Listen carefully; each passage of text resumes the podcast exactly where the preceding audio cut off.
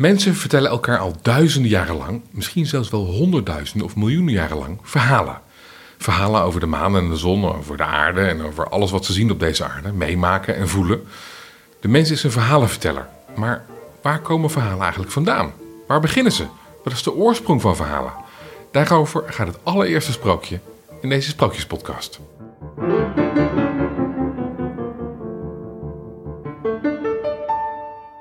Sharon Faber, welkom in deze allereerste aflevering van de Sprookjespodcast. Dankjewel. In wat voor soort sprookje zou jij de protagonist kunnen zijn? Oeh. Mm, ik denk wel zo'n soort sprookje als wat ik zo ga vertellen, met een beetje een duister randje. Ehm, en uiteindelijk met een.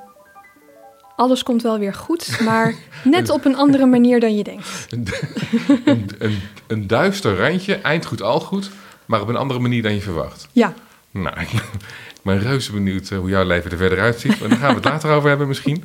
En je gaat nu in elk geval eh, een oude legende voorlezen uit Mongolië. klopt. Goed, veel plezier. Dank je. Er was eens een jongen genaamd Tarva. Hij leefde in een dorpje ergens in Mongolië. Op een kwade dag verscheen de Zwarte Dood in Centraal-Azië en begon zijn jacht op de inwoners. Duizenden mensen vluchtten in paniek, hopend niet ten prooi te vallen aan de pest. Talloze mensen werden ziek en stierven een gruwelijke, pijnlijke dood. Het duurde niet lang of ook Tarva werd ziek. Aanvankelijk was er hoop, omdat hij jong was en sterk. Maar na dagen vechten tegen de dood, verzwakt en ijlend van de koorts, verloor Tarva het bewustzijn. Zijn ziel dacht dat Tarva dood was, verliet zijn lichaam en reisde naar de onderwereld. Daar aangekomen vroeg de grote Kaan, de heerser van de onderwereld: Wat doe jij hier? Waarom heb je je lichaam verlaten terwijl het nog leeft? Geschrokken antwoordde Tarva's ziel: O grote Kaan, vergeef mij. Al mijn vrienden en familie stonden over mijn lichaam gebogen en zeiden dat ik dood was. Ik heb het allerlaatste vreselijke moment niet afgewacht, maar ben maar alvast op weg gegaan naar u. De grote Kaan was geraakt door de eenvoud en eerlijkheid van Tarva's ziel. Hij zei vriendelijk: Jonge ziel, jouw tijd is nog niet gekomen. Jij hoort hier niet. Je moet terugkeren naar het land van de levenden. Maar voordat je die lange reis onderneemt, zal ik je één geschenk geven. Je mag wat je maar verlangt uit mijn koninkrijk kiezen en met je mee terugnemen. Tarva keek om zich heen en zag alles wat mensen in hun leven konden ervaren: vreugde en verdriet, rijkdom en hebzucht, geluk en ongeluk. Maar ook muziek, dans en magie. En er waren verhalen.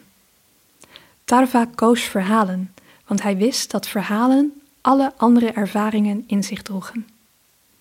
De grote Kaan zei streng: Ga nu direct terug naar huis. Gebruik je geschenk op een goede manier in je leven en keer niet terug naar mijn koninkrijk tot het moment dat je geroepen wordt. Tarvasil keerde terug naar het land van de levenden, vond zijn lichaam en ontdekte dat kraaien zijn ogen hadden uitgepikt. Hij treurde om het verlies van zijn gezichtsvermogen, maar gehoorzaamde de grote kaan en keerde terug in zijn lichaam. Tarva herstelde van de pest en al was hij blind, hij kon heden, verleden en toekomst zien. Zijn verdere leven reisde Tarva door heel Mongolië om verhalen te vertellen, waarmee hij mensen vreugde en wijsheid bracht. Nou, wat een wonderlijk verhaal en wat een mooi verhaal. En dus dat je, als je naar het hiernamaals bent geweest, wat in dit geval een soort van hiertussenmaals uh, voor hem was, uh, dan wat je dan meeneemt, dat zijn verhalen. Mooi hè? Zou je ook zoiets kunnen doen? Ik, ik hoop het. Dat jij er ook zo'n keuze gemaakt zou hebben? Dat zou ik wel heel fijn vinden om, uh, om te geloven. Hmm. Maar ik ben in elk geval blij dat Tarva het heeft gekozen. Goed zo. hey, wat wil dit verhaal ons vertellen? Wat, uh, wat, wat betekent dit? Uh, twee dingen. Allereerst dat verhalen ons op een andere manier laten kijken. Mhm. Um, het beeld van de blinde ziener, dat komt wereldwijd in heel veel verhalen terug. Want zijn ogen worden uitgepikt. Zijn ogen worden uitgepikt, ja. ja. En dat is een beeldtaal om aan te wijzen dat hij op een andere manier is gaan kijken. Ja. Um, maar het laat ons ook zien dat wijsheid iets kost. Want kennis is algemeen. Mhm. Het is vrijblijvend. Uh, we weten verstandelijk dat we allemaal bijvoorbeeld een keer doodgaan. Ja. Maar wijsheid is doorleefd begrip. Op, opeens dan zie je iets, dan komt het binnen, dan snap je iets. Het kwartje valt. Het kwartje valt. En je voelt hem ook echt helemaal doordreunen. Maar wat bedoel je dan met het kost iets? Ehm, nou, dan moet ik bijvoorbeeld denken aan mijn burn-out jaren geleden. Ehm, ik was gewend altijd maar door blijven gaan, niet te veel stil blijven staan, niet te veel vragen stellen vooral. Eh, niet aan mezelf, niet aan mijn omgeving. En dat gaat totdat het niet meer gaat. En ehm, ik heb momenten gehad, dat realiseerde ik me later pas, dat ik de deur van het kantoor dicht deed waar ik toen werkte, met de gedachte: ik heb vandaag letterlijk niks gedaan om de wereld een stukje mooier te maken. Niet mijn wereld, maar ook niet de wereld van iemand anders. En dat heb ik een paar jaar kunnen volhouden, maar niet eeuwig. En daardoor heb ik geleerd um, dat zingeving niet onderhandelbaar is. Voor mij in elk geval niet. En dat was het stukje. Um, ik, ik moest teruggeworpen worden op mezelf. Ik moest niet meer door kunnen gaan. Dus ik moest gewoon tot stilstand komen. En die vragen van zingeving, die moest ik gaan horen. Dus er moest even niks anders zijn dan de stilte. Nou, kom maar op met je vragen. Van hoe ga je dan de wereld een stukje mooier maken? En dat waren ongemakkelijke vragen als je daar nooit bij stil hebt gestaan, maar die waren wel nodig. Ja, en kennis is dat je weet dat zingeving nodig is. En wijsheid is dat je hem ook voelt en dat je hem ook uh, helemaal door je heen laat gaan. Ja, en dat je voelt, ik kan er niet meer omheen. En, en dan kom je... Ja, en de prijs die jij daarvoor hebt betaald is een burn-out. Ja. ja. en dan kom je ook eigenlijk bij het tweede stukje. Verhalen komen uit de onderwereld. Want ik was heel goed op dat route. Moet je uitleggen. nou ja, ik was heel goed op route naar de onderwereld. Dat had ik zelf niet in de gaten. Um, Wat is de onderwereld in dit geval? Ja, hele goede. Want um, het, het, beeld van hemel en hel moeten we even vergeten, want ja. dat kwam pas veel later. Uh, in de oudheid is er enkel een land van de levenden en een land van de doden. Ja. En het dodenrijk, dat is simpelweg waar je heen gaat als je niet meer leeft. Ja. Ongeacht of je een goed mens of een slecht mens was. Um, en er zijn ook talloze mythen en verhalen waarin de held afdaalt naar de onderwereld om wijsheid te krijgen. En waar het simpelweg op neerkomt, je kunt leren van degene die voor jou hebben geleefd. En soms heb, heeft het land van de levenden geen, geen antwoord meer. En dan hebben we oude wijsheid nodig. Dus je komt niet verder op het pad waar je altijd al op zat. Mm -hmm. Dan moet je naar het, het land van de doden. Mm -hmm om daar de kennis op te doen. Ik probeer maar te begrijpen, hè, om de kennis op te doen die zij al hebben vergaard. Mm -hmm. En dat doe je door middel van verhalen. Ja, want wij mensen veranderen niet. We denken altijd dat we heel anders zijn dan onze voorouders. Maar mensen veranderen niet, alleen de situatie verandert. En zelfs dat, nou, ook niet zo heel sterk als is we altijd wel denken. Is, maar is de onderwereld daarmee een, uh, een metafoor voor ouderen? Of geloofden ze echt, de, de, de schrijvers van dit sprookje, dat, je, dat verhalen uit, uit het hiernamaals of het hiervoormaals kwamen? Um, ik geloof zeker dat er culturen waren die um, nog een heel goed lijntje hadden met ook overleden voorouders. Ja. Um, je kunt hem ook metaforisch opvatten, zeker. Dat het staat voor verstilling. Even een moment van terugtrekking, isolement. Je hebt even die afzondering nodig.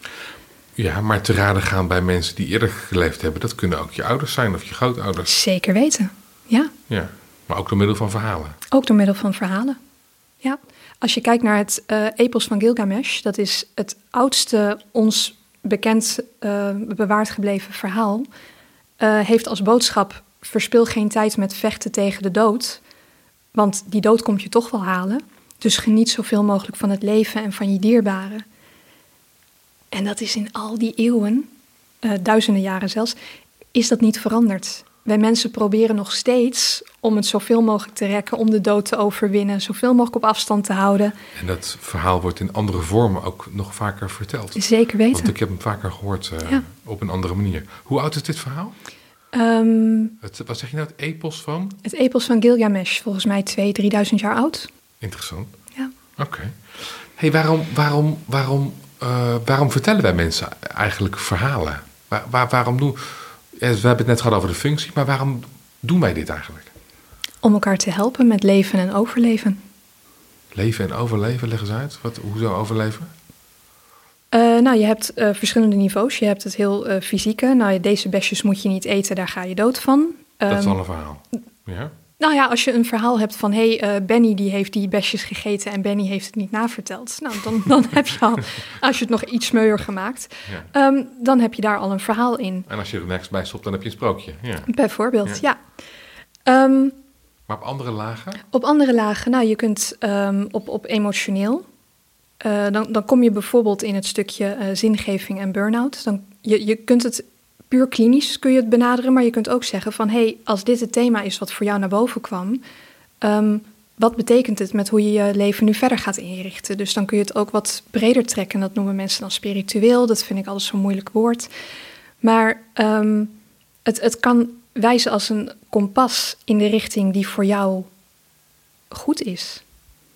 Dus het kan je helpen met, hey, hoe heb ik mijn leven te leiden? Hoe wil ik het wel, hoe wil ik het niet? Een verhaal kan je een voorbeeld geven van, oeh, als ik op deze manier door mijn leven ga, dan kan dit een mogelijke uitkomst zijn. Dan loop ik misschien vast. Precies. Of dan, dat is misschien een doodlopende weg. Ja. Kan, het, kan het vertellen.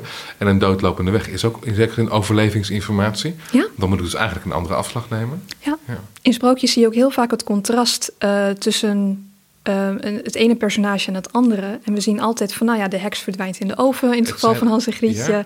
Uh, die was egoïstisch. De kinderen hielpen elkaar. Dus die bleven uh, bij elkaar, ah. ook al waren ze in, in gevaar. Dus dan Over, weet je, nou dus ja. overlevingsinformatie is werkzame. Ja, zorg voor elkaar en alles komt goed. Dat is misschien een wat erg simpele, makkelijke boodschap. Maar aan kinderen is dat hele goede overlevingsinformatie om te leren werkzamen. Absoluut, ja. Hm. En we zien dus ook uitgespeeld, als je het niet doet, dit is wat er dan gebeurt. Want in een goed verhaal, je, je, zal altijd de vraag hebben van ja, maar wat dan als ik dat niet doe? Nou, en dat laten we je meestal dan zien in een verhaal met een spiegelpersonage. Van, van, vandaar dat er zo ontzettend veel verhalen zijn met uh, twee broers of drie zussen. En mm-hmm. iedereen, iedereen neemt een andere route en we kijken na afloop wat er uh, van gekomen is. Ja, hetzelfde met de drie biggetjes, uh, die, die allemaal een huisje bouwden van een ander materiaal. Er was in feite maar één biggetje. Maar dat biggetje probeerde het dus elke keer op een andere manier. Dat is eigenlijk wat het verhaal ons laat zien. De zeven geitjes. Ja. Het zijn allemaal verschillende levenspaden en dit helpt ons om te zien welke de juiste is. Ja, dan hoef je niet elke keer zelf te reïncarneren om uh, het elke keer weer vanaf ja, nul opnieuw te beginnen. Ja. Dus je kunt leren van de ervaringen van anderen. Jen Blake, bekende storyteller, die zegt dat, het, uh, dat verhalen zijn templates over wat het betekent om mens te zijn. Mooie. Dus het helpt ons om volwaardiger invulling te geven aan uh, mensen zijn met allerlei, ja, misschien wel complexe en ingewikkelde kanten die daarbij horen. Emoties, uh, meerlagigheden, uh, tegenstrijdigheden. Het lijkt ook een beetje op de uitspraak van de Nobelprijswinnaar van literatuur Kazuo Ishiguro. Ishiguro. Um, but in the end, stories are about one person saying to another, This is the way it feels to me. Can you understand what I'm saying? And does it also feel this way to you? Daar gaat mens zijn over? Ja, want je deelt hoe een ervaring voor jou is. Je vraagt: hey, begrijp jij dit? Kun je je in mij verplaatsen? En daarna nodig je de ander uit en vertel eens hoe is dit voor jou? En op die manier blijven we verhalen vertellen. Want het ene verhaal nodigt weer een ander verhaal uit. Hmm, mooi. Ik, uh, hoorde, ik las ook dat hele mooie boek van uh, Yuval Noah Harari. Die zegt uh, van wij zijn verhalenvertellers. Dat is wat ons onderscheidt van dieren. Landen zijn verhalen, geld is een verhaal, religies zijn verhalen. Mm-hmm. Het zijn eigenlijk allemaal verhalen. En ze werken alleen bij de gratie van dat een ander dat ook herkent als een verhaal. en daar dus ook in meegaat in het verhaal. Ja, dat we het verhaal blijven vertellen. Ja. Dat het betekenis heeft voor ons. Ja. hey, wat betekenen verhalen voor jou eigenlijk? ja, ontzettend veel. Um, je moet weten, ik, uh, ik, ik heb een Indische achtergrond. En Indische mensen staan bekend om, uh, om hun zwijgen. Uh, spreken is zilver, zwijgen is Indisch. Heb ik ooit wel eens gehoord. Echt waar, ja. ja. Um, als, je, als er veel gezwegen wordt in die cultuur, dan wordt er dus ook geen verhalen verteld. Nou, dat dacht ik eerst ook. er werden geen verhalen verteld over de mensen zelf. Daar, mijn, grootmoeder was daar niet zo scheutig mee, mijn ouders waren er niet zo scheutig mee. Dus familiegeschiedenis klopt.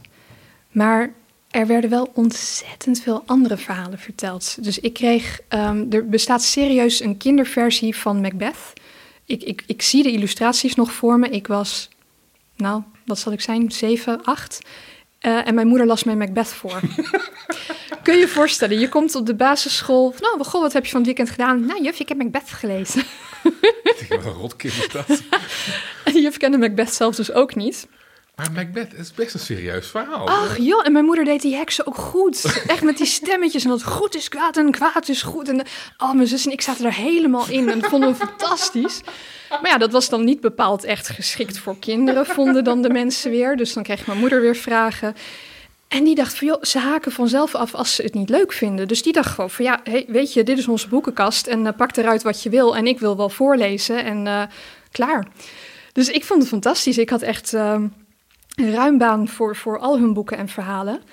Um, ik heb even kijken, nou toen ik een jaar of twaalf was, um, we waren op vakantie. Ik had te weinig boeken bij me. Dit was de tijd voor de e-readers en alles. Uh, dus met twee dagen was ik al door al mijn boeken heen. Dus uh, mijn vader was Stephen King aan het lezen. Dus we hebben Desperation samen gelezen die vakantie.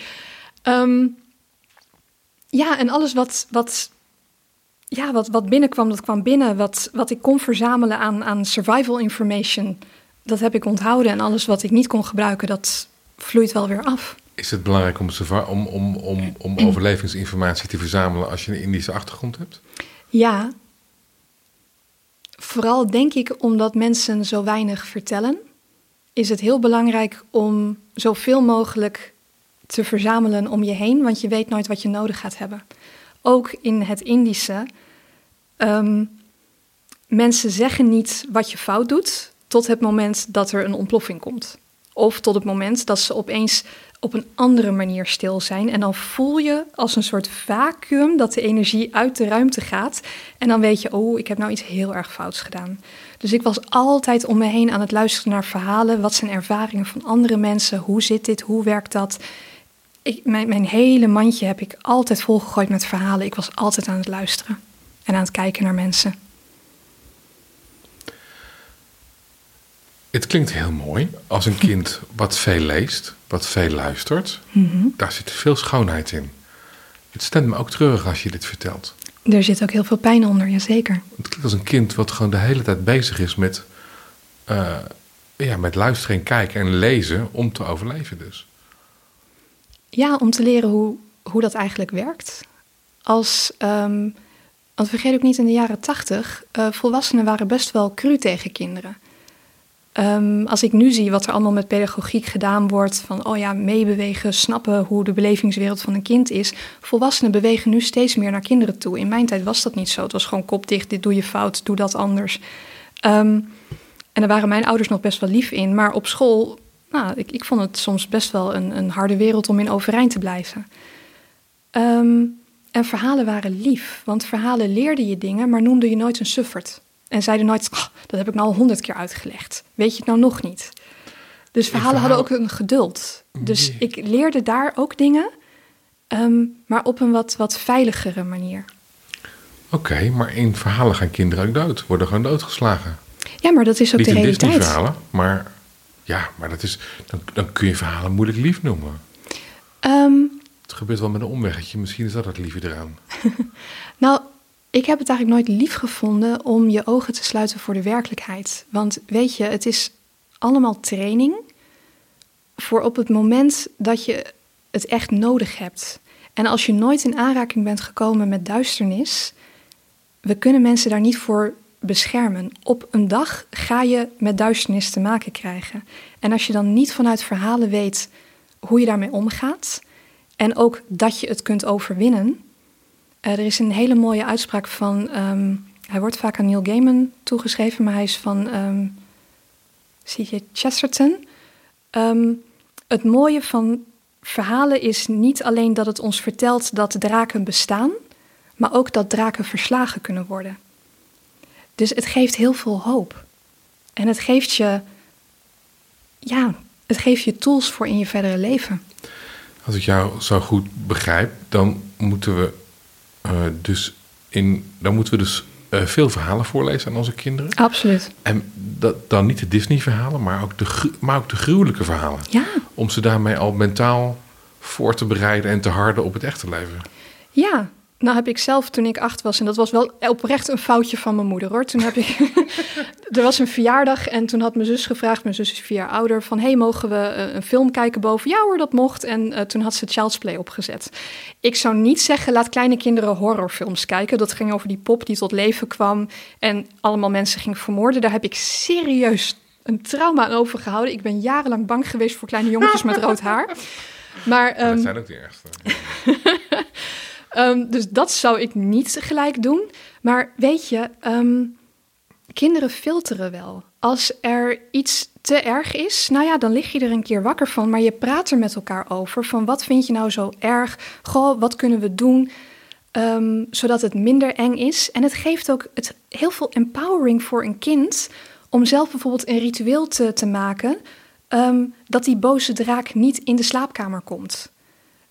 Dus ergens denk ik van, joh, um, hou ze niet zo weg van alles wat het leven is, want het leven is ook duisternis soms. Niet alleen maar, maar het bestaat er. We zetten ook de toon voor deze sprookjespodcast. We gaan, ja, maar we gaan ook geen lieve sprookjes allemaal voorlezen. Dat, eh, dat zijn soms eh, echt wel pittige verhalen. hey, we hebben het steeds over verhalen. Mm maar dit is niet de verhalenpodcast, maar een sprookjespodcast. Uh, wat is een sprookje anders dan een verhaal? Uh, sproken is een oud Nederlands, Middel-Nederlands woord voor vertelling, verhaalvertelling. Sproken. Sproken. Oké. Ja, dus in principe, een sproken is dat wat verteld wordt.